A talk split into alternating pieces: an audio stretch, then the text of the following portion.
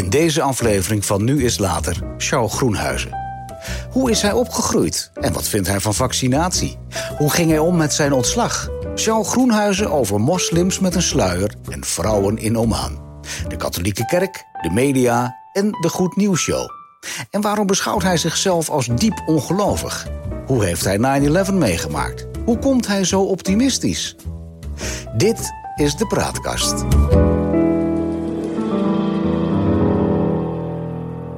Ik moet je eerlijk zeggen, ik had altijd een beeld van jou als een hele gedegen, serieuze journalist. En eh, toen ik, wat was het, anderhalf jaar geleden hoorde dat je zingend met de gitaar op het podium ging staan, eh, kom ik daar niet zo goed een beeld bij vormen. Eh, hoe kwam je toen op dat idee? Nou, omdat mensen er geen beeld bij hadden. Uh, dat is eigenlijk precies de reden dat ik het ben gaan doen. Want dat ik Amerika deskundige ben tussen aanhalingstekens en daar boeken over schrijf. En mijn NOS-verleden enzovoort, dat weet iedereen wel. Uh, en ik zag mijn 65e verjaardag nader. Ik ben 65. Mm -hmm. En toen dacht ik van, laten we nou eens iets bedenken wat ik nog niet eerder gedaan heb. En lezingen doe ik al heel lang, over van alles. Dus op een podium staan of in de microfoon praten zoals nu, dat, daar word ik niet zenuwachtig van.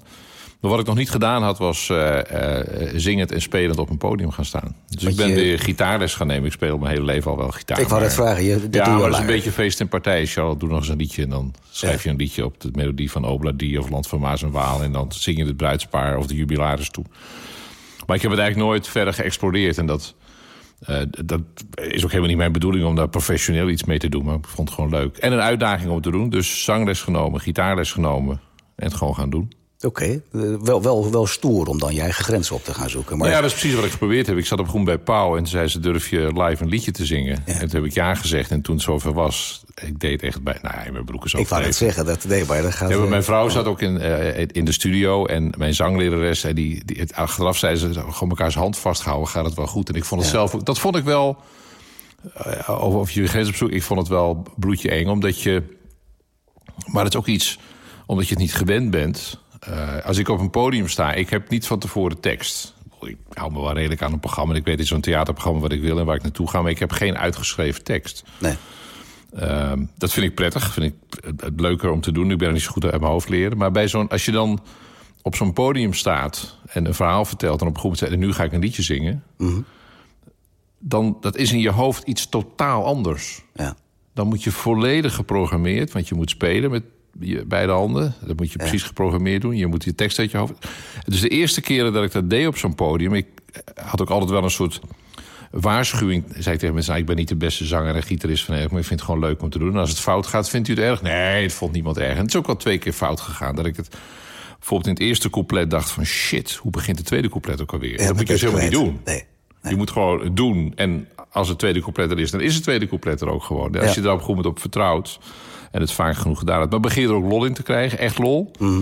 En begin je ook te performen een beetje. En dat, dat vond ik eigenlijk de leukste overwinning. Dat ik aan mezelf merkte dat ik de energie had en het zelfvertrouwen... om iets meer performance in te stoppen.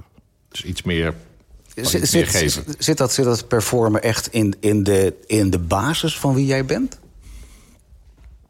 Ja, voor een deel denk ik wel. Ik heb natuurlijk ontzettend veel tv-presentatie gedaan. Ja. En ook al die jaren in Amerika. Heel veel live op tv. eh, Bijna altijd live. Eh, en lang en veel. En geïmproviseerd. Eh, van, eh Charlotte, ga maar zitten en we komen En zo bij je. Ja, waarmee dan? Ja. Ja, ja beter nog niet precies. Ja. Of in een hele lange uitzending, je noemde net 9-11... eh, dat je gaat zitten en dat je in je oor krijgt van... Charlotte, doorpraten, doorpraten, doorpraten. Omdat ze het volgende filmpje nog niet klaar hebben. En op een goed moment zegt dan iemand in je oor... terwijl je zit te praten, probeer maar toe te praten... naar het interview met Giuliani. Bijvoorbeeld, noem maar wat, die toen burgemeester van New. York was. En ja, dat vind ik ongeveer het leukste wat er is. Dat Ja. je, dat je, en dat je dan achteraf met een eindredacteur elkaar eh, een huk geeft van... het is weer gelukt. Ja, dat, dat, dat, als dat het, leuk is aan performen, ja, dan ben ik een performer. Ben je dan misschien een beetje laat mee dan? Nou, ik, heb, ik, ik ben natuurlijk bij tv begonnen eh, eh, in, eh, even kijken, 86 was ik 32. En ik ben wel gelijk toen verslaggever geworden en ook veel live gedaan. En ook na een paar jaar naar Amerika gegaan, gelijk verkiezingen gedaan. Dus nee, dat, dat heb ik wel, ik doe, ja, ja vanaf mijn 32 eigenlijk. Was dat toen met opzet dat je naar de Verenigde Staten ging? Was dat voor jou een soort droom die uitkwam? Ja. Of was het gewoon iets van, van nou ja, ze vragen mij en ik ga maar? Ja, het, het, het, het is een combinatie. Het was natuurlijk een vacature. De goede haaien Thomas, de, de oudere luisteraars zullen hem zich ongetwijfeld herinneren. Ja. Die in Amerika de Big Dutchman. En het was ook een Dutchman en hij was big. Uh, hij is een schat, wat een lieve man was dat. En Haaien ging weg, dus er was een vacature. Dus dat, dat paste bij mij goed. En wat goed paste, is gewoon het werk van correspondent. Ik ben, een, ik ben iemand die, ja, die het goed alleen kan. Ik ben mm. zelf een brander. Dus ook bij het boeken schrijven bijvoorbeeld. Daar vroeg iemand, ja, hoe, hoe doe je dat nou, zo'n boek schrijven? Ik zei, nou ja, als je het op een goed moment heb je, en weet je dat boek moet er komen. Dat is de deadline. En dan sta je gewoon zeven dagen per week om zes uur op. En om vijf over zes met een kopje koffie ga je gewoon beginnen. En, en dat is niet om te pochen of zo. Maar zoals, mijn vrouw zegt wel eens... Ik, ik nee, maar dan ga je gewoon zitten, zeg maar. En dan, dan, dan, dan komt dat ook. Nou ja, het is wel voorbereid. Het is niet zo dat ik denk van... God, wat zou ik nou eens gaan doen? Nee. Uh, je, je, hebt, je hebt geresearched en er liggen dingen klaar. Of wat dan vrij vaak gebeurt, dat je dan s'avonds op een goed moment ergens mee vastloopt. Dat je denkt, god, hoe moet ik nou verder? Of met de indeling. Weet je wat, ik laat het even liggen, morgenochtend gaan we verder. En de volgende ochtend ga ik zitten. Oh ja, nee, tuurlijk. dan, weet je uh, hoe je verder moet. Dan moet het even rijpen en dan kom je verder daarmee. Ja, maar ik, heb het, ik doe vrij veel columns her en der. Uh, en, en dan zie je ook ineens staan, oh shit, morgen een deadline voor een column. Waar moet het over gaan? En dan ga ik gewoon echt blanco zitten. En dan heb ik vaak wel in mijn computer zo'n lijstje met steekwoorden van dat of dat. En dan denk ik, oh ja, oh ja, ja, dan, ja, dan, ja, dan komt het. Ja. Of het dan goed is, mag een ander bepalen. Maar het, het is erop goed. Ik, eh, eh, ik, ik, mis geen deadlines. Sinds 1986 doe je dat vanuit de Verenigde Staten. Of althans, het gaat over de Verenigde Staten. Dus je mag dan wel zeggen dat je daar een echte kenner voor bent. Ehm, de laatste jaren heb ik het idee dat je, dat je boeken schrijft... die ook uh, veel breder gaan dan dat. Ehm, meer maatschappelijk kritisch. Um, geef je ook lezingen over. Uh, heb je zelf een idee wat, wat, wat jouw persoonlijke algemeen maatschappelijk beeld toevoegt? Wat is dat, wat is dat speciale Charles Groenhuizen wat daarin zit dan? Als mensen een lezing van jou willen volgen. Nou, kijk, ik ben, ik ben geen... Ik heb een boodschap. En al vrij lang. Ik heb in 2006 een boek geschreven, Leven Nederland. Dat is eigenlijk een voorloper van mijn ene laatste boek... Optimisten hebben de hele wereld. Waarin ik schrijf over de dingen die volgens mij goed gaan in de wereld. Zonder de problemen uit het oog te verliezen. Denk aan klimaat of ongelijkheid of immigratie of veel maar in. Um, maar wat ik vanaf, eigenlijk vanaf 2006... Kijk, je moet je realiseren, ik ben toen op een onaangename manier, manier weggegaan bij de NOS. Daar heb ik ook nog een vraag over, ja. Oké, nou ja, daar ga ik het niet uitgebreid over hebben. Maar ik ben toen ontslagen en het was een ontzettende dreun. En toen heb ik wel in de spiegel gekeken en mezelf gezegd van... Charles, pas op, nu niet gaan verbitteren. Ja. Uh, ik was wel boos, uh, maar gedacht van, weet je wat... Ik bedoel, uh, het is dat ligt op, op loer en iedereen weet ervan. Ja. Ik stond op elke voorpagina van dat ik ontslagen was als NOS-presentator. En toen ben ik dat boek Leven Nederland gaan schrijven. Ja. eigenlijk met, met die achterliggende gedachte van... ik moet nu op zoek gaan of op zoek gaan... gewoon gaan schrijven over dingen die goed gaan in de wereld. Dat heb ik ook gedaan. En daar is dat boek Optimisten hebben de hele wereld weer een soort vervolg op. En wat ik, het, het is niet zo. Ik, ik ben geen bevlogen predikant of uh, uh, goeroe of weet ik veel. Ik kijk, dat heb ik toen gedaan en nu eigenlijk weer, gewoon naar een aantal feiten zoals die zich voordoen in de wereld. En daar doe je jouw sausje overheen. Doe ik mijn sausje overheen, maar het is heel erg gebaseerd op statistiek. Dat klinkt heel saai. Maar als ik praat over minder geweld, minder, dat, minder geweld in de wereld... of over vooruitgang in het algemeen op heel veel terreinen... Mm het eerste wat ik dan doe is uh, dat ik bijvoorbeeld naar Gallup ga... om te kijken wat vinden Amerikanen ervan. Omdat ik veel over Amerika schrijf ook. Of ik ga naar uh, mijn onvoorwaardelijk favoriete website... Our World in Data... Okay. Dat is een feitelijke website, onder andere van Oxford University. Dus geen nepnieuws, dames en heren. Het is geen nepnieuws. Uh, en die, die onderzoeken feitelijk over, op heel veel terreinen... wat er nou eigenlijk echt gebeurt in de wereld. En dan kun je vervolgens weer van alles van vinden. Over immigratie of over moslims. En mag je allemaal lekker zelf bepalen. Maar ik, wat ik in eerste instantie in dit soort gevallen doe... ook in zijn theatershow... is kijken wat is er nou eigenlijk feitelijk aan de hand... en daar destilleer ik mijn verhaal uit. Had je dat voor die breuk met de, met de NOS ook al? Nee, wel voor een deel, herinner ik me. Uh, ik, ik ben bijvoorbeeld nooit een Amerika-basher geweest. Hmm. Ik heb in twee periodes in de Verenigde Staten gezeten. De eerste was onder Ronald Reagan, in de jaren tachtig. Uh, en, en daarna uh, ja, bijvoorbeeld Clinton. Mm -hmm. en een flink deel Bush, Irak-oorlog enzovoort. Ja. Nou, daar hadden Nederlanders met name over Reagan en over George W. hebben en hadden Nederlandse vrij uitgesproken en over het algemeen heel negatieve mening. Mm. Ik ben geen republikein. Ik mag Amerika niet stemmen, maar ik zou nooit republikein stemmen. Geen misverstand. Maar ik zag wel ook waarom Reagan zo populair was. En ik heb wel kunnen uitleggen waarom Bush gekozen werd. Weliswaar met een minderheid aan stemmen. El Gore had meer stemmen. Ik kon ook uitleggen waarom die, de Irak-oorlog begon of de Afghanistan-oorlog. En ik heb mezelf wel altijd als opdracht gegeven, maar ook met een NOS-pet op.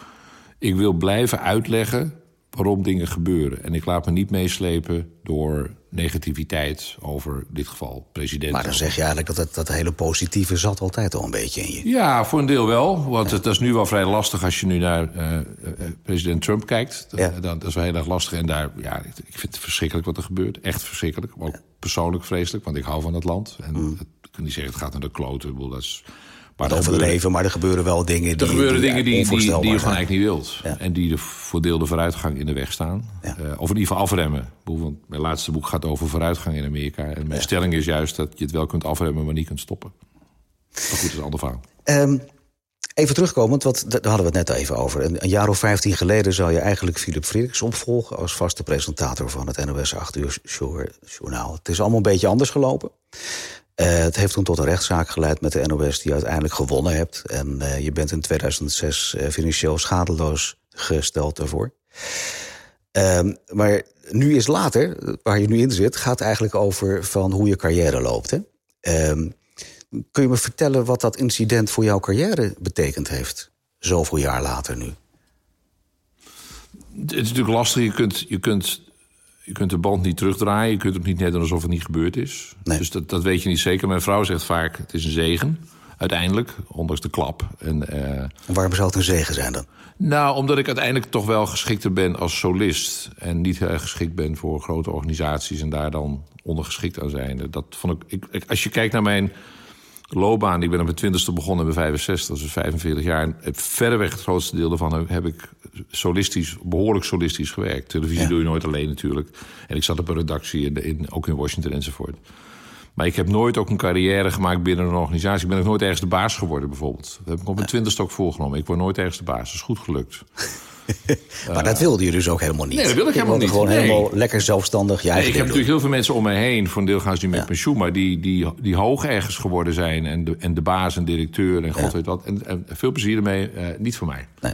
Dus ik heb eigenlijk altijd vanaf het begin heb ik. Heb ik, heb ik maar dat betekent dat ook voor jouw vrijheid heel belangrijk is. Dat maar je ik heb bewust gestuurd om mijn eigen, uh, mijn eigen ding te kunnen doen. Ja, okay. waar wij hier nu zitten, uh, aan mijn keukentafel, dat, dat is voor een deel mijn werkhuis. Ik heb ook nog een mooie werkkamer boven.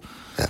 Uh, maar mijn vrouw gaat om kwart voor zeven de deur uit. En dan, ja, dan, dan, dan ga ik aan de slag. En dan ga ik of op pad of ik ga uh, vandaag ook weer verder gaan schrijven aan dingen. En ja, eh, dat vind ik prima. Maar dat kun je dus ook goed. Je kunt jezelf starten. Je kunt dan lekker door ja, blijven de hele dag. Ja, ja, precies. Nee, als ik, als ik me, wat ik straks ook over de boek, boek schrijven... Hè, gewoon gaan zitten en gewoon doen... Uh, dat kost me, qua discipline kost me dat geen moeite. Dat zit in het systeem. Ja. Maar dat vind je ook heel leuk, blijkbaar, ja. om te doen. Ja. Ja, vooral, kijk, als je, als, als je weer een paar maanden dan uh, dat akelige schema van zes uur op... Uh, ja, dan op groepen ligt er een boek. Ja. ja. Dat vind ik ontzettend leuk. En dan loop je de ACO of de Bruna in en verdomd, dan ligt het. Ja.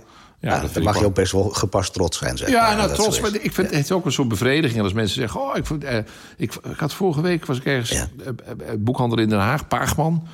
En er komt iemand aan met wel zes boeken van mij. Of ik ze alle zes nog even wilde tekenen. Er staat onder andere een boek bij, eh, ooit mijn bestseller geweest. De Amerikanen zijn niet gek. Ja. Uh, wat ook trouwens wel weer zo'n boek was... waarbij ik in ieder geval geprobeerd heb... om op grond van een aantal waarnemingen en feiten... tegen mensen te zeggen van misschien zit het anders dan je denkt.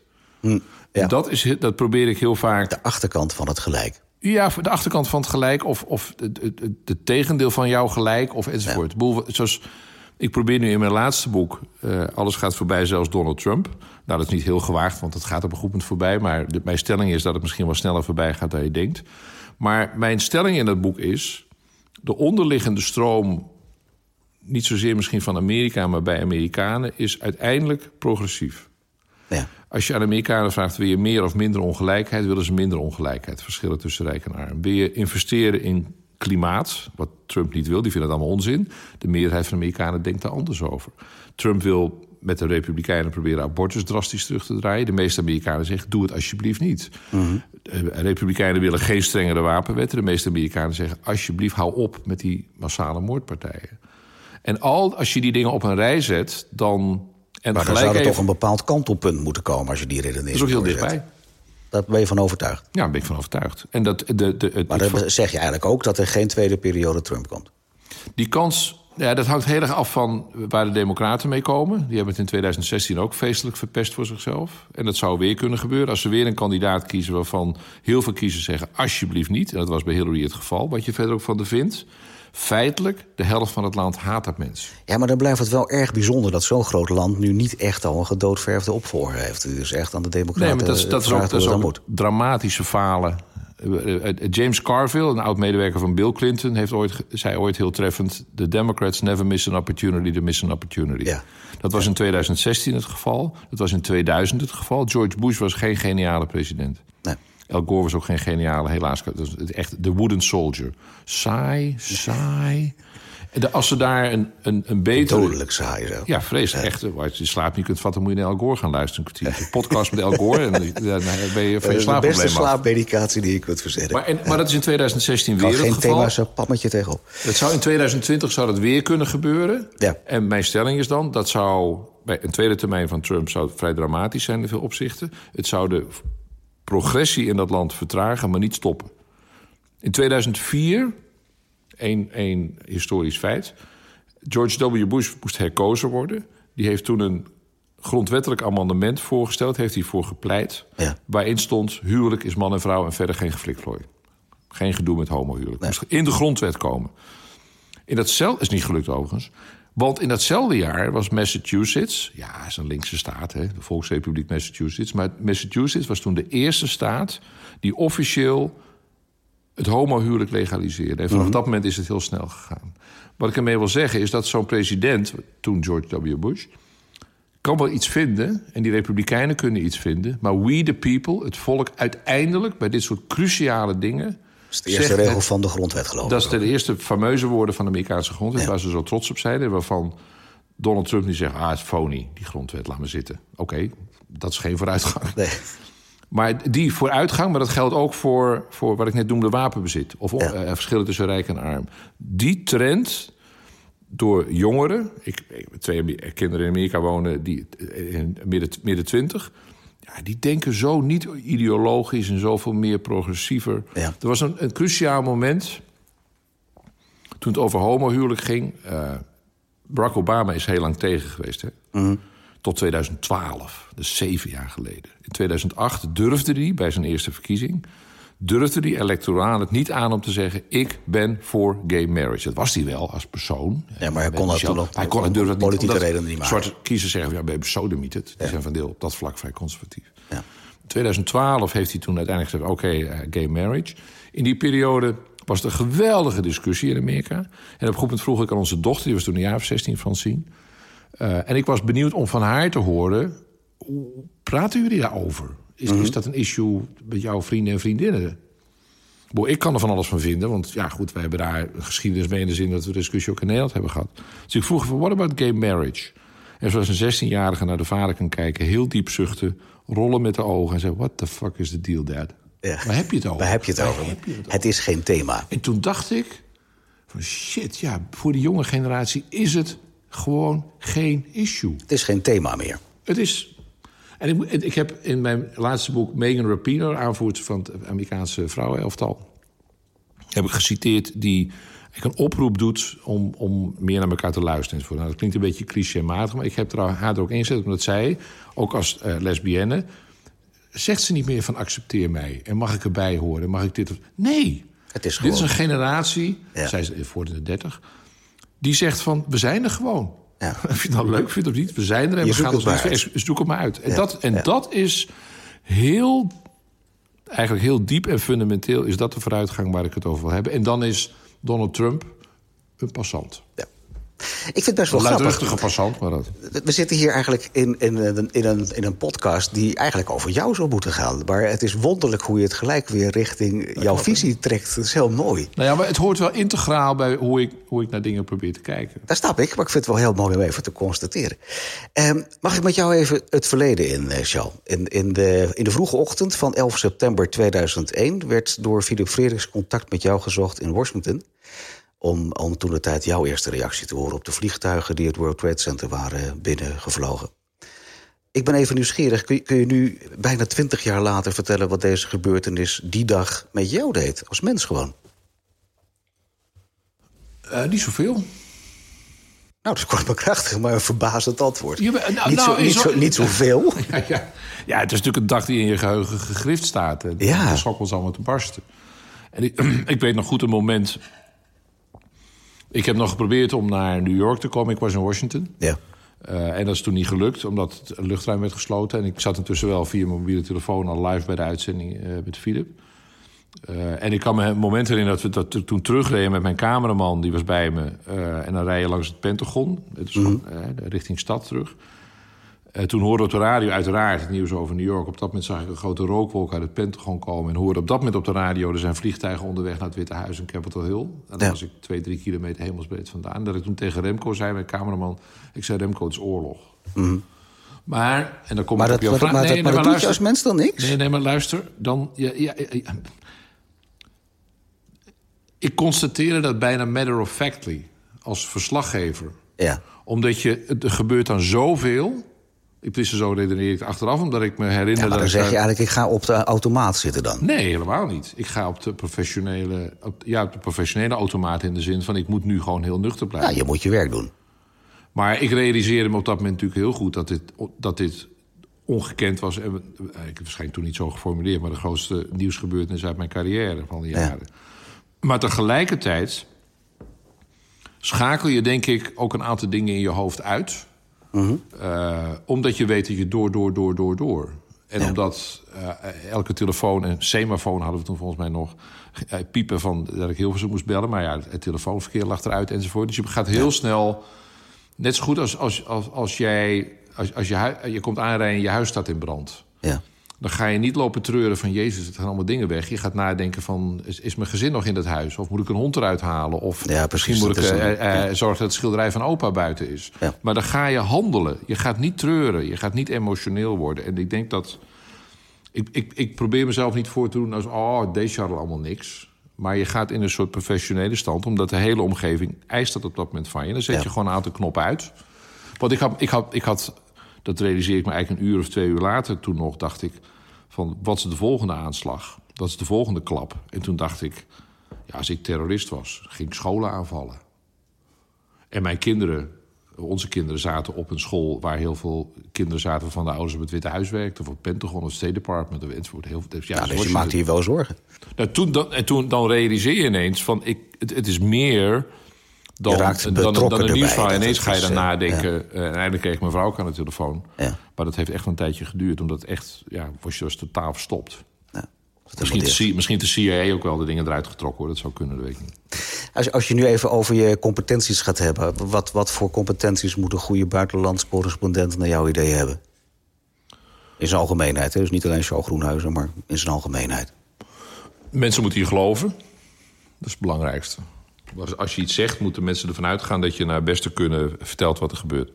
Geloofwaardig zijn. Je moet geloofwaardig zijn. Ja. Ehm, nou ja, je, je, je moet, moet hard willen werken en zo. En, en op rare tijden dat je bed gebeld wordt. Met name als je met tijdsverschil zat, waar ik al die jaren mee gezeten heb natuurlijk. Ja. Dus dat moet je wel hebben. Wat ik, wat ik vaak als compliment krijg, en ik geef het maar door... dat mensen zeggen van, als jij het zegt, geloven we je. Nou, dat is heel prettig. dat is fijn om te horen. verbinden die door met de personeelsafdeling. Ja. Dat, dat is denk ik wel vrij cruciaal. Ehm, het is prettig als je een beetje uit je woorden kunt komen. Mm. En eh, niet steeds eh, moet eh, nadenken of je je volgende... ja, dat hoor ik nog iets te vaak op de radio wel eens. Dus het is prettig als je een verhaal kunt vertellen.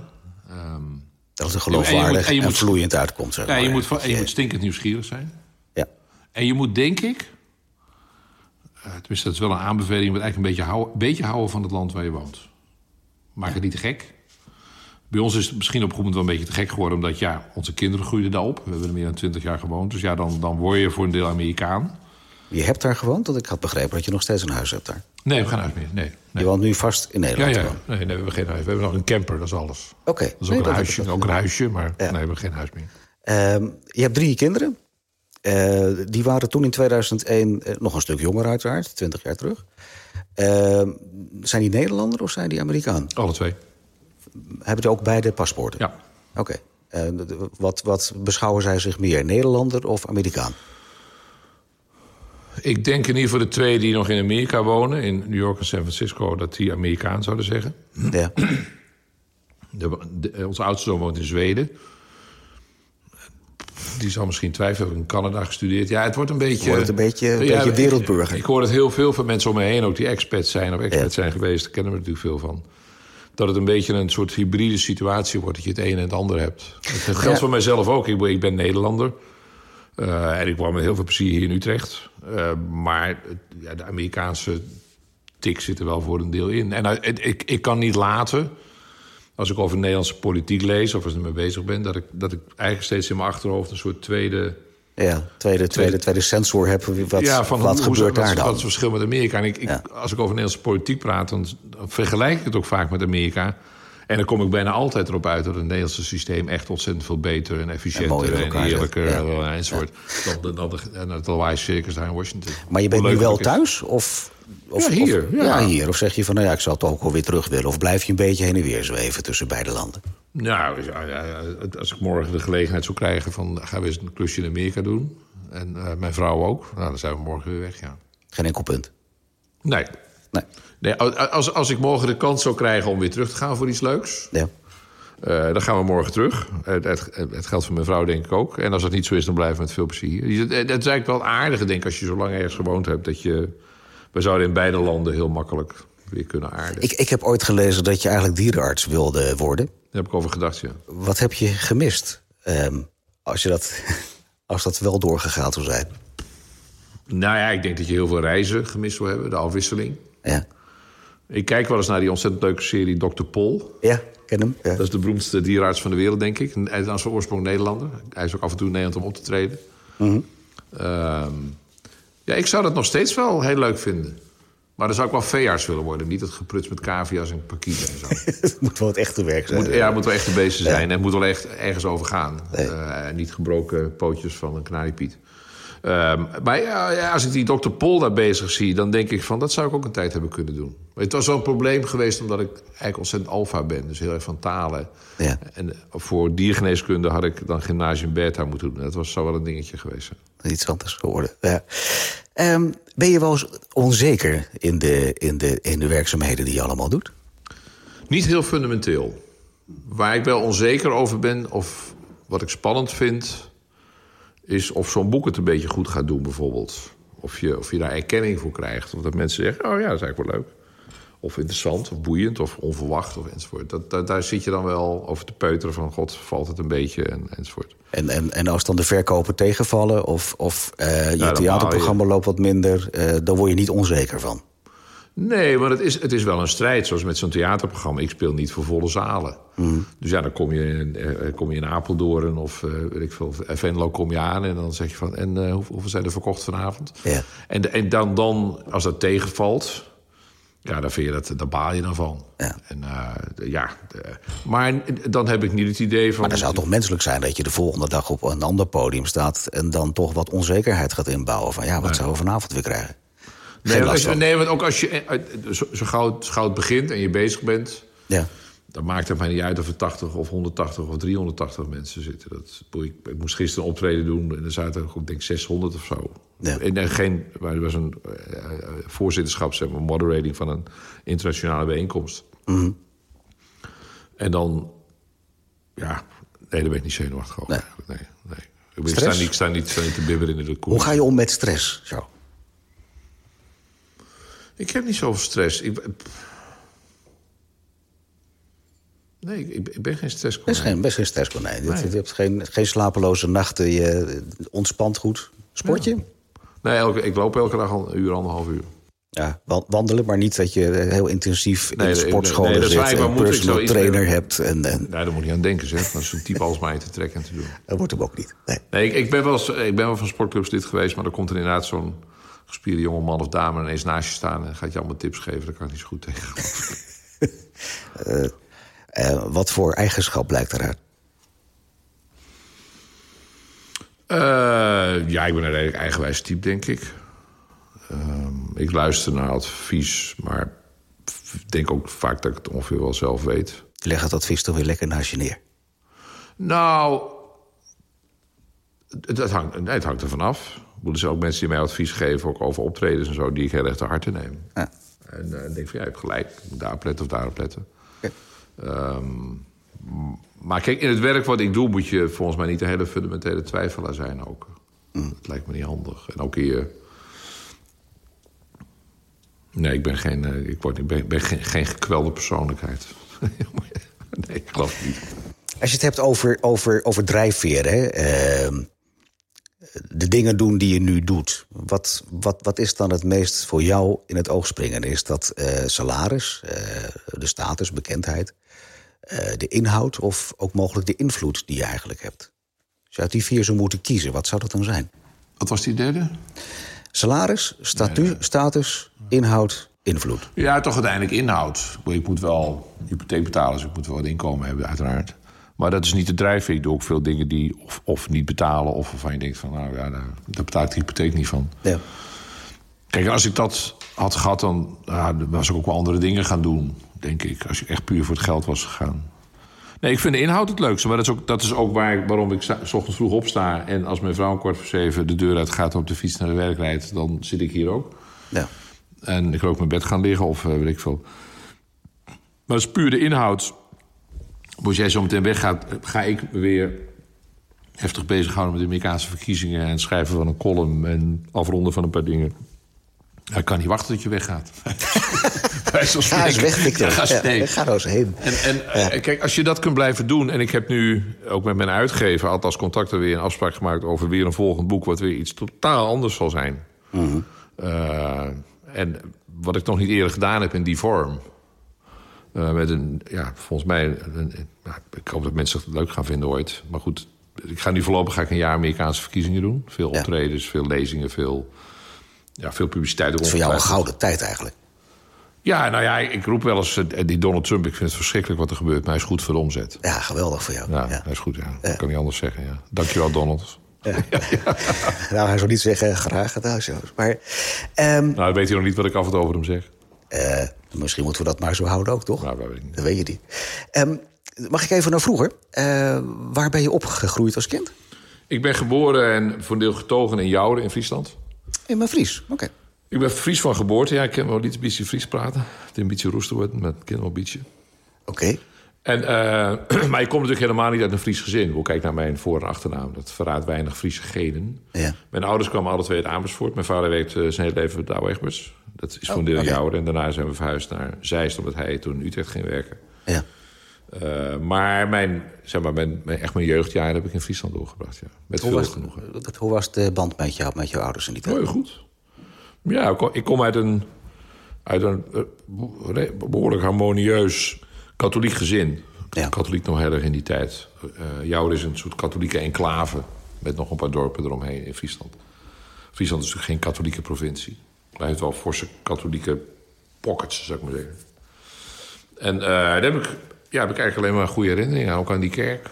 Ik, ik zat een keer bij... Ben je eh, nog steeds eh, religieus? Nee, nee, nee. nee. Oh, nee, oh, nee. op- Pakweg mijn 17, 16e, de Heilige Moederkerk. Je komt de kerk niet meer in. opgewekt verlaten. Ja. Nou ja, ik wandel wel eens een kerk in, maar eh, nee, ik, nee, ik ben een vrij diep ongelovig. Je kunt diep gelovig zijn, je kunt ook diep, Diep ongelovig ongelovig. zijn. En ik beschouw mezelf En bij als die diep laatste, ongelovig. daar zit jij dan bij. Maar ik, ik heb er geen... eh, ik weet wat er daarna allemaal bekend is geworden over die katholieke kerk enzovoort. En, en alle gekkigheid met, eh, over de positie van vrouwen, ik weet het allemaal. Maar ik heb er Ja. geen slechte herinneringen aan. Integendeel, ik heb eigenlijk alleen maar goede herinneringen aan. Wat is dan de reden dat je de kerk verlaten hebt? Was dat alleen maar goed? Ja, ik, ik vind ja, uiteindelijk, ja, ik, geloof gewoon niet in God. Geen Dat is gewoon het hele Geen idee. enkele reden om in God te geloven.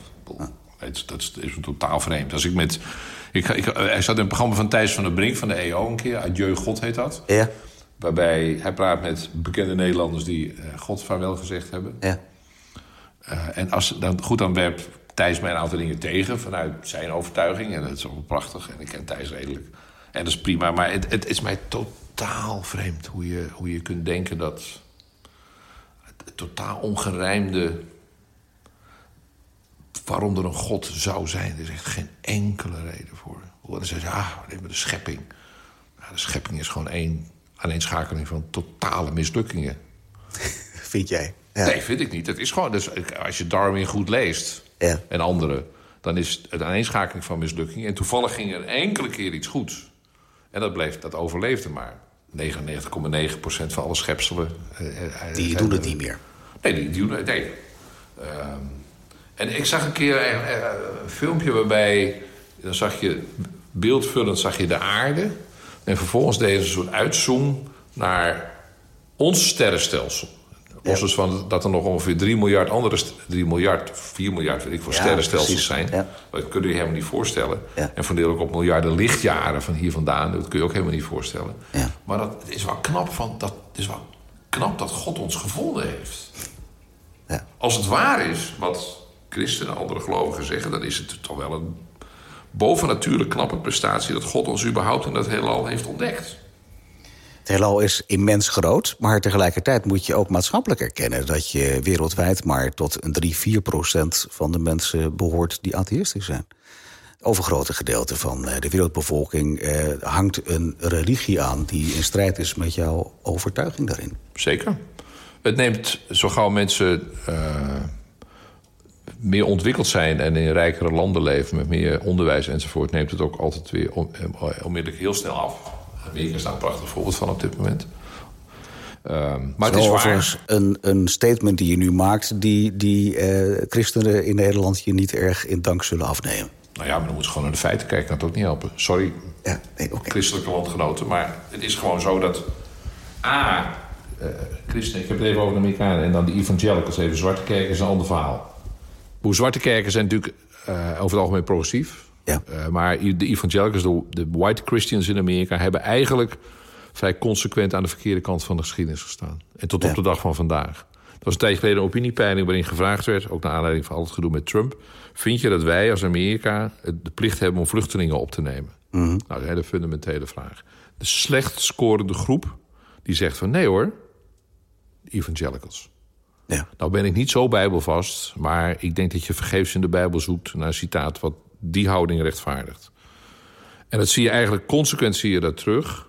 Uh, even los van bijvoorbeeld abortus, wat natuurlijk lastig is, maar het ongeboren kind enzovoort. Maar bijna alle andere dingen, doodstraf, wapenbezit enzovoort, kiezen christenen in Amerika, blanke christenen, ja. wat mij betreft de foute, niet-bijbelse kant.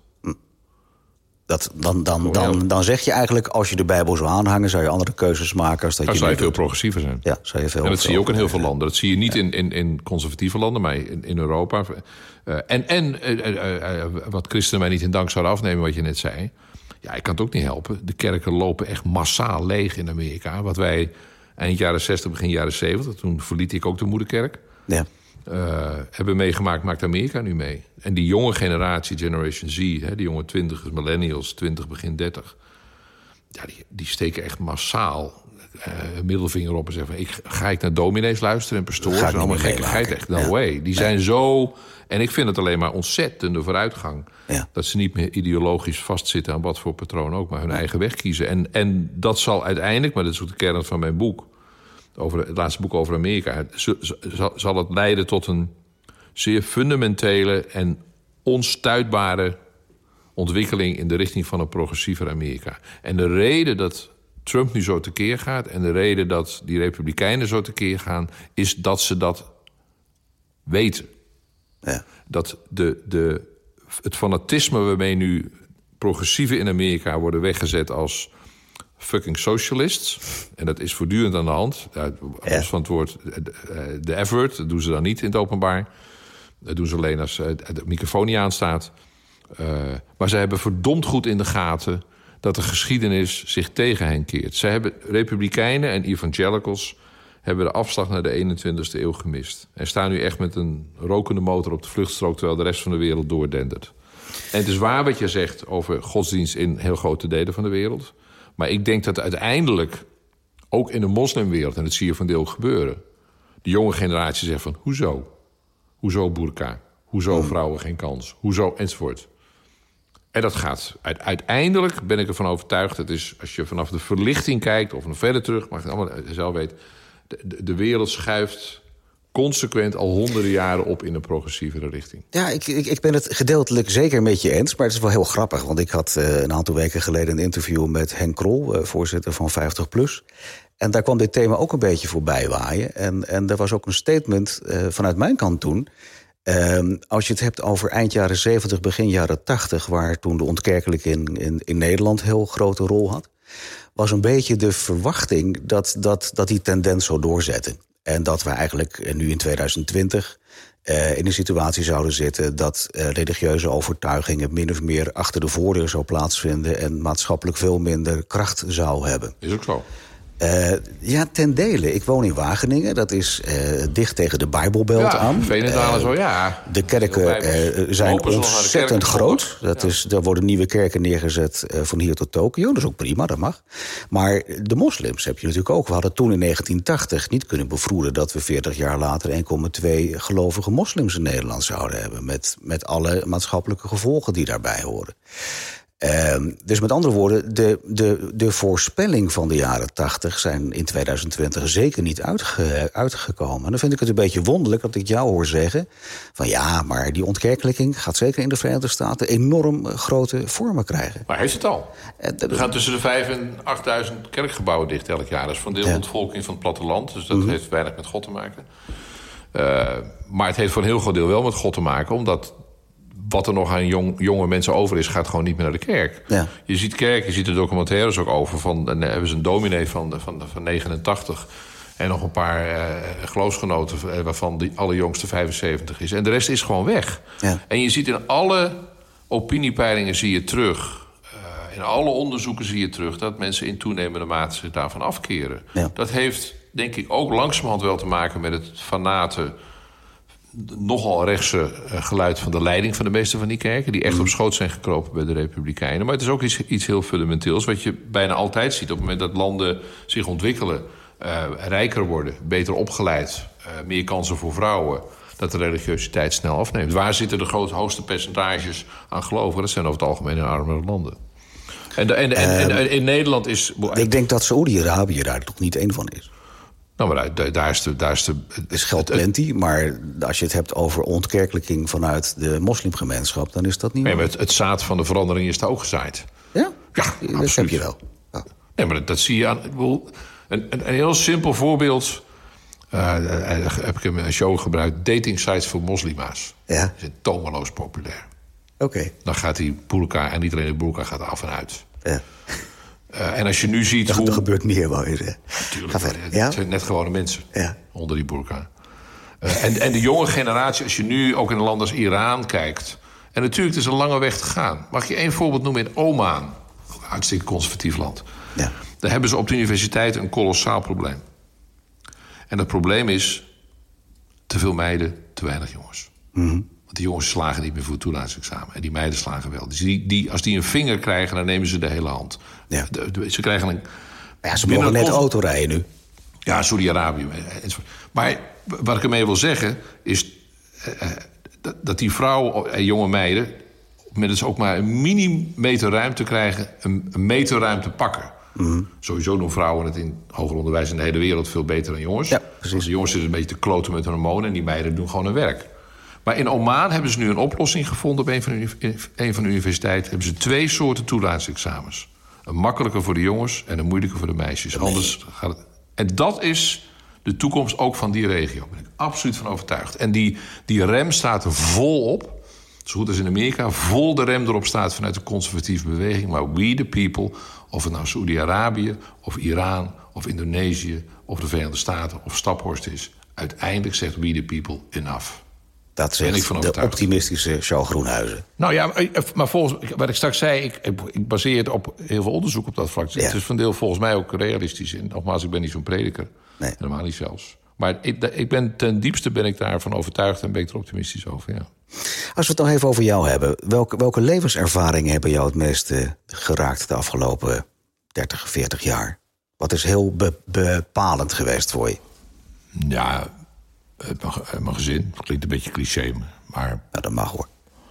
Dat je... Uh, ik ben vrij laat vader geworden. Ik was 38 toen onze jongste geboren werd. Dus de, ja. een laat bloeien wat dat betreft. Um, maar kijk, in alle, ik ben er heel veel van huis geweest vele jaren. Ook omdat ik een jaar of tien toen ik bij de NOS weg was... en mijn gezin nog daar woonde, omdat ik voor Gode hier werkte. Dus ik was de helft van het jaar van huis, zeg maar. Dus is ook heftig? Ook, ja, dat vond ik ook wel heftig, ja. ja. Daarom noem ik het ook. Maar tegelijkertijd, als je... Ja, als ik nu zie, die kids werken, alle drie zijn afgestudeerd... en hebben hun eerste serieuze banen en, en, en relaties en, enzovoort. Ja, ik vind dat zo ontzettend leuk. Mm. En, en, meer dan leuk. Ik bedoel, het is, is, ze komen nu alle drie naar Nederland met de kerst. Ja, echt. kan vind geweldig. tomeloos op verheugen, ja. Maar ook het, het, het, dat je zo in de loop van de jaren vanaf dat ze, dat ze kind zijn tot nu echt hartstikke volwassen en hun eigen gang gaan. Uh, maar de, ja, die band is zo heftig en de, en de gesprekken die je met ze voert en de dingen die ze nog aan je vragen of de dingen die ik aan hun vraag. Uh, en hoe je, ze zich, hoe je ziet hoe ze zich ontwikkelen. Ook op een totaal verschillende manier. Drie hele verschillende kinderen. Twee, meiden, of eh, twee jongens en, en een meisje. Of geen meisje meer natuurlijk, ze is 25. Maar wat doen ja, ze nu? Dat vind ik, uh, de oudste is ingenieur en uh, werkt nu een paar jaar in Zweden, in Malmö. Mm Werkt bij een groot internationaal technisch bedrijf. Uh, onze dochter van 25 werkt in San Francisco op het hoofdkwartier van Airbnb. Okay. En onze jongste zoon, die is net 24, die werkt bij een grote internetplatform van Walmart ja. in New York. Dus ze zitten alle drie eindje verderop. En er zit een hele trotse papa aan de ja, overkant nee, de tafel. Ja, het, het, is gewoon zo fantastisch om te zien dat ook de energie en, en, de, en ook de, de, inspanningen die wij erin gestopt hebben... ook om ze naar de Amerikaanse universiteit te laten gaan... dat is een flinke inspanning, als je begrijpt wat ik bedoel. Mm -hmm. uh, Financiële inspanning. Ja, nou, ja, ja, ook. Ja. Maar als je nu ziet wat er nu van ze terecht komt... en hoe ze, hoe ze daar ook gebruik van maken... dat zeg ik ook vaak tegen Want Ze zeggen, oh pap, dankjewel. Of tegen mijn vrouw ook natuurlijk. Dat jullie het allemaal mogelijk hebben gemaakt. Zeg, ja, nee, dat hebben we ook met veel plezier gedaan. En, maar ja, het was, het was wel een ding. Maar als je vervolgens kijkt hoe zij de kansen die ze op die manier krijgen... ook echt met beide handen aangrijpen en waarmaken. Ja. En daarin investeren en hun best daarvoor doen... en daarin groeien en in, zich in ontwikkelen. Ik bedoel, eh, hebben ze een nieuwe baan en zeggen ze na twee weken van... pap, ik, het is gewoon zoveel. Ik, ik weet niet of ik dit ooit voor elkaar krijg. Dan zeggen nou, zo over een half jaar nog eens praten. Ja, en dan zeg je waarschijnlijk... Ja. ja. En ja, en dan een half jaar later zegt ze... ja, ik herinner me dat je dat toen zei. Dat is eigenlijk wel ontzettend... Nou, ja, dat vind ik... Het klinkt allemaal heel simpel en... Maar ja, dat, is wel, dat vind ik wel een groot genot. Ja. Dus als iets mij wat dat betreft gevormd heeft... maar ook wel terug naar het optimisme waar je, waar je het steeds over hebt ook. En terecht. Ja, jij hebt het erover, ik niet. Ja, ja, ja nee, maar jij vraagt er ook naar. Maar als ik zie hoe die jonge generatie... maar daar kom ik ook wel een beetje terug op dat, dat niet meer ideologische... want dat heeft uiteindelijk... ideologie is, is echt... Het is zo ondermijnend. Uiteindelijk voor vooruitgang. Omdat ideologie uiteindelijk tegen jou zegt... of tegen mij of tegen je vrouw of tegen je kinderen van jij kunt wel iets willen, maar die ideologie zegt dat je iets anders moet willen. Ja. Dat is uiteindelijk de kern waar het om gaat. Dat, dat, een, dat iemand. Maar dan zeg je dat die ideologie een, een, een vijand van democratie is. Ja, voor een groot deel wel, ja. En, Nou, ja, en, de, maar in ieder geval ook van individuele vrijheid. Ja. En wij zijn, als we geschapen zijn... we zijn het niet, maar we zijn wel wat... Stel dat. stel, nou ja, dan, heeft, dan, dan... De evolutie is onze schepper, vind ik. Maar die evolutie heeft in ons gestopt dat we een en dat onderscheidt ons van alle andere levende wezens op aarde, een fundamentele, het fundamentele vermogen hebben om van vrijheid te genieten. Mhm. En om creativiteit te doen. Het feit dat wat jij maakt, wat ik maak, wat mensen om ons heen maken en bedenken, dat is ongekend. Dat is nog nooit eerder in evolutie gebeurd. Nee. Cruciaal daarin is vrijheid, met hele grote kapitalen geschreven. En op het moment dat er een ideologie is die tegen jou zegt van ja, maar we gaan even die vrijheid, daar gaan we wat stukjes van afhalen. Of hele grote stukken van afhalen. Of we gooien het volledig in de vuilnisbak. Dat is strijdig met het meest fundamentele wat er uiteindelijk in de mens zit. Dat je de vrijheid hebt om de mensen om je heen te kiezen. De mensen waar je van houdt, waarmee je in bed wilt gaan liggen. Of alles. Die vrijheid is uniek. Er is nooit eerder. Er is geen enkel levend wezen bij benadering die de vrijheid heeft die wij hebben. En, en, en dat moet je dus ook heel erg koesteren dan. Ja, ideologie probeert het bijna altijd af te rempen. Ja. Of van een kleurig palet een grijs palet te maken. Of van... Maar ja, als je, als je dat politiek vertaalt naar een nabije toekomst... wat wil je dan voorstellen? Politiek, eh, qua Nederlandse politiek? Of, of... Nou, wereld, wereldwijd. Want je zegt eigenlijk van dat ideologie moet je meer uitkijken... omdat dat uh, alle ontwikkelingen remt. Dat hoor ik je zeggen. Uh, tegelijkertijd leven vrijheid af. Ja, tegelijkertijd leven we nu eenmaal in een wereld waar uh, heel veel overtuigingen zijn die, die nou op het randje van ideologie zitten. Ja, elke, elke godsdienst is per definitie strijdig met individuele vrijheid. Maar zeg je dan, dan moeten we godsdienst maar afschaffen? Nee, het moet er niks afschaffen. Uh, mensen moeten er zelf voor kiezen. Als ze het willen afschaffen, moeten ze dat vooral doen. Uh, daar zou ik niet tegen zijn, maar ik ben, ja, nee, dat, gaat, dat, dat zit, zo, nee, diep, zit zo diep in mensen. Laat ik, laat ik het zo stellen dat ik snap wat je eigenlijk zegt. Maar tegelijkertijd denk ik van ja, maar als je dat als gegeven neemt, dat je dan eigenlijk zegt we moeten verder. Uh, maar, we gaan verder. Ja, we gaan altijd verder. Maar tegelijkertijd zeg je van ik wil die invloed moet eigenlijk minder zijn, want het werkt zo remmend. Dan denk ik, ja, als je die vertaling wil maken, hoe ga je dat dan doen? Hoe ga je dat dan. Ik, ik doe niks. Hoe ga je dat dan, dan, dan, concretiseren? Ja, maar er moet, er moet niks. De, de, godsdienst. Wij hoor je niet zeggen: godsdienst moet de wereld uit.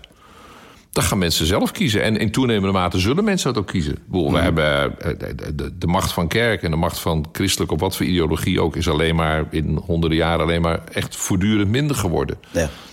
Eh, maar er, er, moet helemaal niks. Als mensen hun leven totaal in, in dienst willen stellen van een godsdienst, welke het ook is. Of van, van, kan me niet schelen wat voor ideologie. Dat moeten ze allemaal lekker zelf weten. Ik zeg alleen. Maar dan zeg jij, vrijheid gaat voor. Nou ja, voor mij wel, ja. Maar misschien een monnik in een boeddhistisch klooster bovenop een berg in, uh, uh, weet ik waar... Ja. die zal zeggen dat, dat hij of zij, het zijn ook vrouwen... De, de, het meest, de, die, die vinden het vreselijk zoals jij en ik leven hier. Ja. Die vrijheden. En die vinden dat vreselijk. Die willen... Nou, be, my, be my guest. Ja, prima. Alleen zeg ik, fundamenteel hebben wij nu... ook door, door de welvaart die we hebben... Daarom is ook altijd de verhouding tussen welvaart die toeneemt en godsdienstigheid neemt af. Dus een soort wetmatigheid. Niet omdat mm. ik dat graag wil, maar dat zie je gewoon gebeuren. En ik denk dat op, op den duur, ook met de jonge generatie, ook in gebieden, Midden-Oosten bijvoorbeeld, of, of uh, uh, uh, moslimlanden, bijvoorbeeld in, in Azië, dus en denk aan Indonesië. Ja. Uiteindelijk wordt dat minder. Die ja. internetgeneratie, die gaat het gewoon niet meer pikken. Die gaat gewoon zeggen van we gaan onze eigen weg kiezen. En ik vind het zo grappig, dat zie je ook heel veel in Nederland hier. Met name uh, meiden van allochtone afkomst. Die hebben dan bijvoorbeeld een hoofddoek. En, en de rest van hun kleding. Ja. Strakke spijkerbroeken, ja, bloesjes, het en god. Ja. Dat je, ik, ik sta er wel eens naar te kijken. Dat je denkt van god, wat grappig. Ja. En ik, daar word ik dan... Eh, op het moment dat je er zo naar kijkt... denk ik van kijk, dat is, dat, is de transitie. Mm. En misschien blijven ze in hun voor een deel Nederlands zijn... en steeds Nederlandser zijn. Uh, in hun hele gedragingen enzovoort. En, en, en met jongens en weet ik het allemaal niet. Ja. En, en vervolgens dragen ze toch nog een hoofd. Ik, ik moet daar wel om glimlachen, ja. Het is een beetje wat het, wat het dan ook eigenlijk, eigenlijk is. Ja. Um, heb ik um, nog geen vraag gesteld die jij graag wilde horen, zo? Het gaat over jou. Nu is later. je bent 65, je kijkt terug. Uh, wil je nog wat kwijt? Nee, volgens mij maar, maar uh, even denken. Nou ja, toch, toch wel. Kijk, ik heb nu meer dan 40 jaar ben ik journalist geweest. Ik ben nu een beetje aan het wegdobberen met de dingen die ik nu doe. Wegdobbelen of dobberen? Dobberen, dobberen. Weg, weggedobberd. Ja. Um, je bent wat van je core business af. Ja, ik doe ook andere dingen en ik ben niet uit die dagelijkse gekte weg. Dat heb ik natuurlijk vele jaren gedaan, die dagelijkse verslaggeving. En uit je bed gebeld worden en vijf minuten later voor een tv-camera zeggen wat er gebeurd is. Als mensen me morgen bellen, doe ik het morgen weer. Niet fulltime hoor. Nou, dingen die ook wel geweest zijn. Ja. Maar wat ik nog wel tegen mensen zou willen zeggen is dat, dat, dat de manier waarop ik naar de wereld kijk is voor een deel vindt het ook wel eens een weerslag in mijn eigen mediagebruik. En ik vind dat. Hoe bedoel je dat? Nou, daar, ik, daar bedoel ik mee dat media in zijn algemeenheid een fundamenteel ander beeld van de wereld geven dan hoe de wereld in elkaar zit. Mhm. Of anders gezegd, de media over het algemeen een beeld van de wereld geven wat fundamenteel afwijkt van wat mensen in hun eigen leven meemaken. Jij en ik, en ik, dat durf ik bijna in het algemeen te zeggen, jij hebt veel meer aardige dan onaardige mensen om je heen. Ja. Of lieve mensen dan. Je hebt, je hebt, hoeveel klootzakken heb jij om je heen? Dat zijn de, als ze er zijn, dan probeer ze ook een beetje weg te houden. Ik wou net zeggen, die ga je dan toch weer. Hè? Het is, het, ja, goed, maar iedereen creëert, in mijn omgeving, iedereen creëert uiteindelijk een, een leefomgeving van, van mensen van goede wil, als ik dat toch maar wat christelijk formuleer. Als je de media volgt, dan zit de wereld stampvol met mensen van slechte wil. Ja. En dat is voortdurend het beeld. Er is een, er is een prachtig onderzoek gedaan naar doodsoorzaken in dit, geval de Verenigde Staten. Nou, daar staat ogen, uh, hartfalen, kanker en een aantal dingen. En helemaal onderaan, terwijl Amerika een vrij moordaardig land is... een heel klein snippertje moord en een nog veel dunner streepje terrorisme. Ja, Vervolgens in de, in, in de kolom daarnaast hebben ze precies naar dezelfde dingen gekeken... en het gekeken waar zoeken mensen naar op Google. Nou, dan, gaat, dan komt geweld en akelige dingen komen al veel hoger op het lijstje. Als je vervolgens kijkt, en ze hebben het gekeken bij The Guardian en bij de New York Times, wat twee gerespecteerde kranten zijn uiteraard. Ja. En als je dan kijkt hoeveel er over terrorisme en moord geschreven wordt, vergeleken met wat er echt gebeurt. Terrorisme is 4000, u hoort het goed meneer, 4000 keer vaker in de krant dan dat het in werkelijkheid voorkomt. Ja. En dat is iets, journalistiek gaat er vanuit goed nieuws is geen nieuws. En ik zou toe willen, en dat gaat niet gebeuren, en nou, oké, okay, uh, God zegen de greep. Uh, maar ik zou toe willen naar een situatie dat mensen wat dat betreft veel kritischer en veel selectiever hun, media zouden gebruiken. En kijk, en de traditionele media worden natuurlijk massaal afgestraft. En de Telegraaf verliest, en dat is niet mijn krant, dat zou je niet verbazen. Verliest 7, 8 procent per jaar aan lezers. De andere krant ook, maar de Telegraaf gaat heel hard. Dat vind ik een hoopvol teken. Ja, maar tegelijkertijd wordt dat gat weer ingevuld door allerlei websites die, uh, zoals dat zo populair heet, een beetje fake nieuws hebben. Met andere woorden, uh, als je een, een, bijvoorbeeld een NOS of een RTL nieuwssite hebt, die, die weegt soms even zwaar als mensen met ander nieuws zitten. Dus je zult een andere invulling moeten zoeken. Waar, welk onderzoek, verwijs, waar, waar, zie je dat? Ja, het, is, het is geen onderzoek, dat is mijn eigen indruk. Nee, dat is absoluut niet waar. Nee? Nee, dat is kletskoek. Als je, als je kijkt naar het mediagebruik van mensen... Ja. Uh, en het is een aantal keren uh, onderzocht... dan is gemiddeld van alle informatie die op jou en mij afkomt... als het 100% stellen... is fake nieuws tussen de 1 en 2%. Dat is heel erg weinig. Dat is heel erg weinig. Maar ja, het wordt gewoon geteld. Je kunt het tellen. Je kunt Ja. gewoon kijken naar... We weten vrij secuur van elkaar... in ieder geval in statistieken... van waar Ja. we naar kijken, waar we niet naar kijken. En van die, die fake nieuws gebruikers gewild of ongewild, kan ook onbedoeld zijn... dat je iets aanklikt en dat blijkt dan fake nieuws te zijn. Hopen maar dat je het in de gaten hebt. Maar alle onderzoeken die ik daarover heb nagekeken... ik, ik, heb, ik heb echt zitten zoeken van... vind ik iets wat op een iets anders wijst dan die 1 tot 2... en een hele enkele keer 3 tot 4 procent. Dat, Ja. dat fake nieuws wordt dan ook vooral gelezen nog... door mensen die dat fake nieuws graag lezen. Dus die lezen in hun eigen bubbel, nieuws uit hun eigen bubbel. Het aantal... Dus bij Amerikaanse verkiezingen bijvoorbeeld gekeken... is er enige serieuze aanwijzing dat mensen hun politieke mening hebben veranderd... Mhm. als gevolg of onder invloed van fake nieuws... Daar blijkt niks van. Ja, Fake maar dan, dan, dan, dan hebben we het over, over twee verschillende dingen. Ik, ik, ik denk dat je volkomen gelijk hebt, want je bent daar, daar eh, veel meer mee eh, bezig. als je zitten het echt zoeken. over, over, over nieuws. Ik heb echt zitten zoeken. Ehm, maar laat ik een ander voorbeeld noemen. Als je het bijvoorbeeld hebt over vaccinatie in Nederland.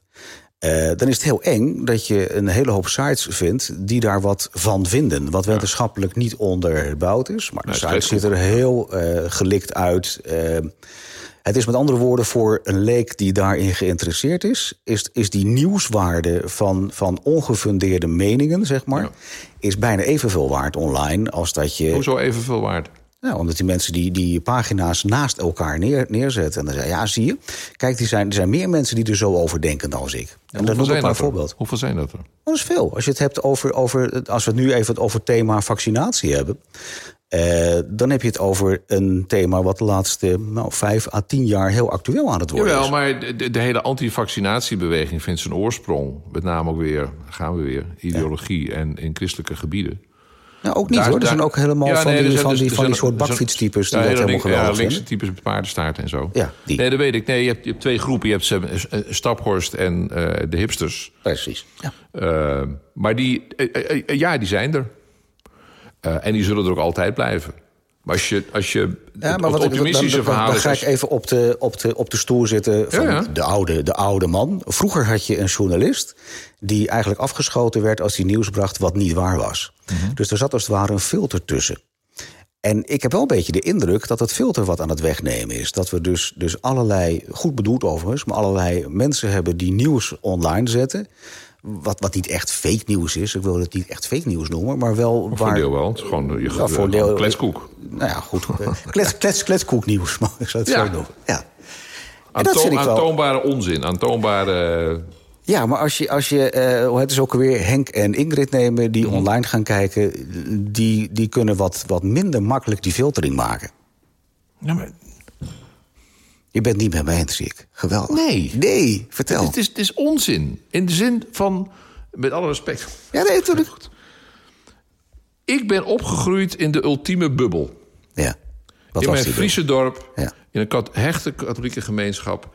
eh, katholieke school, katholieke gymvereniging, katholieke padvinderij... Ja. eh, katholieke meisjes waar ik mee zoende. eh, alles was katholiek om me heen. Alles. En wij voerden als, als jochies... Ja, een beetje onzin natuurlijk... maar wij voerden een soort oorlogje tegen die pokkenprotestanten. Ja. Ah, als kinder, ja. zoals het cowboytje. Tegen de pokkenprotestanten. We hadden een katholieke krant... En de vrienden van mijn ouders waren katholiek... en die zaten allemaal ook op zondag in de kerk. Het heeft niet zo lang geduurd, want ik zat precies op die omslag. Ja. De ultieme bubbel. En nu gaan mensen zeggen... van, ja, nee, maar in 2019, die bubbel waar mensen in zitten... de bubbel waar ik in zat was geen bubbel, dat was een soort harnas. Ik heb Ja. een gelukkige jeugd gehad, begrijp me goed. Maar de bubbel is nog nooit zo transparant geweest. En ja, er zijn mensen die voor een deel uit eigen keus... bijvoorbeeld in Amerika... eh, eh, is, is dit ook vrij heftig, bijvoorbeeld van mensen die, die richten ook legertjes op om de federale overheid te gaan bestrijden. Die Ja. oefenen op zaterdagmiddag en die rennen door het bos met, met geweren en op paarden en met cowboyhoeden op en, en, en, enzovoort. Ja. Eh, en die, die, die maken elkaar gek. Ja. En die, die, die vullen websites waar mensen dan vervolgens op klikken... en misschien zelfs geld naar overmaken... omdat ze het ook hartstikke ermee eens zijn... dat die overheid in Washington allemaal uit, schurken bestaat. Ja. Net zo goed als je... Maar als je... eh, een van de statistieken die... eh, toch maar weer die website Our World in Data... ga voor de gein er even naartoe, dames en heren. Tik in vaccination, ik bedoel even in het Engels... en dan krijg je de wereldwijde statistiek over vaccinatie. Dat is een van de grootste successen... in de wereldgezondheidszorg ever. We hebben oud, eh, sla Bill Gates erop na, die is daar heel actief in. Die heeft heel veel geld en geeft er ook heel veel van weg. Onder andere aan dit soort programma's. We hebben een aantal hele grote ziektes gewoon uitgebannen. Onder andere door vaccinatie. Ja, en dan heb je nog van die maloten in Staphorst... en van die eh, eh, mannen met paardenstaarten die tegen hun kinderen zeggen... ik ga je niet vaccineren. En dat is ernstig. En elk, elk ouder die zijn kind dat ontneemt, is er één te veel. Maar macro, optimistisch zijn. Heerlijk. Ik, eh, ik heb zo'n donkerbruin vermoeden dat dit gesprek nog niet helemaal ten einde is. Maar heel erg bedankt in ieder geval eh, dat je in de praatkast wilde komen, Charles. En, eh, Genoegen, dankjewel. dit was weer een aflevering van Nu is Later, onderdeel van de praatkast. Mijn naam is Victor Chevoyer. Graag tot de volgende keer.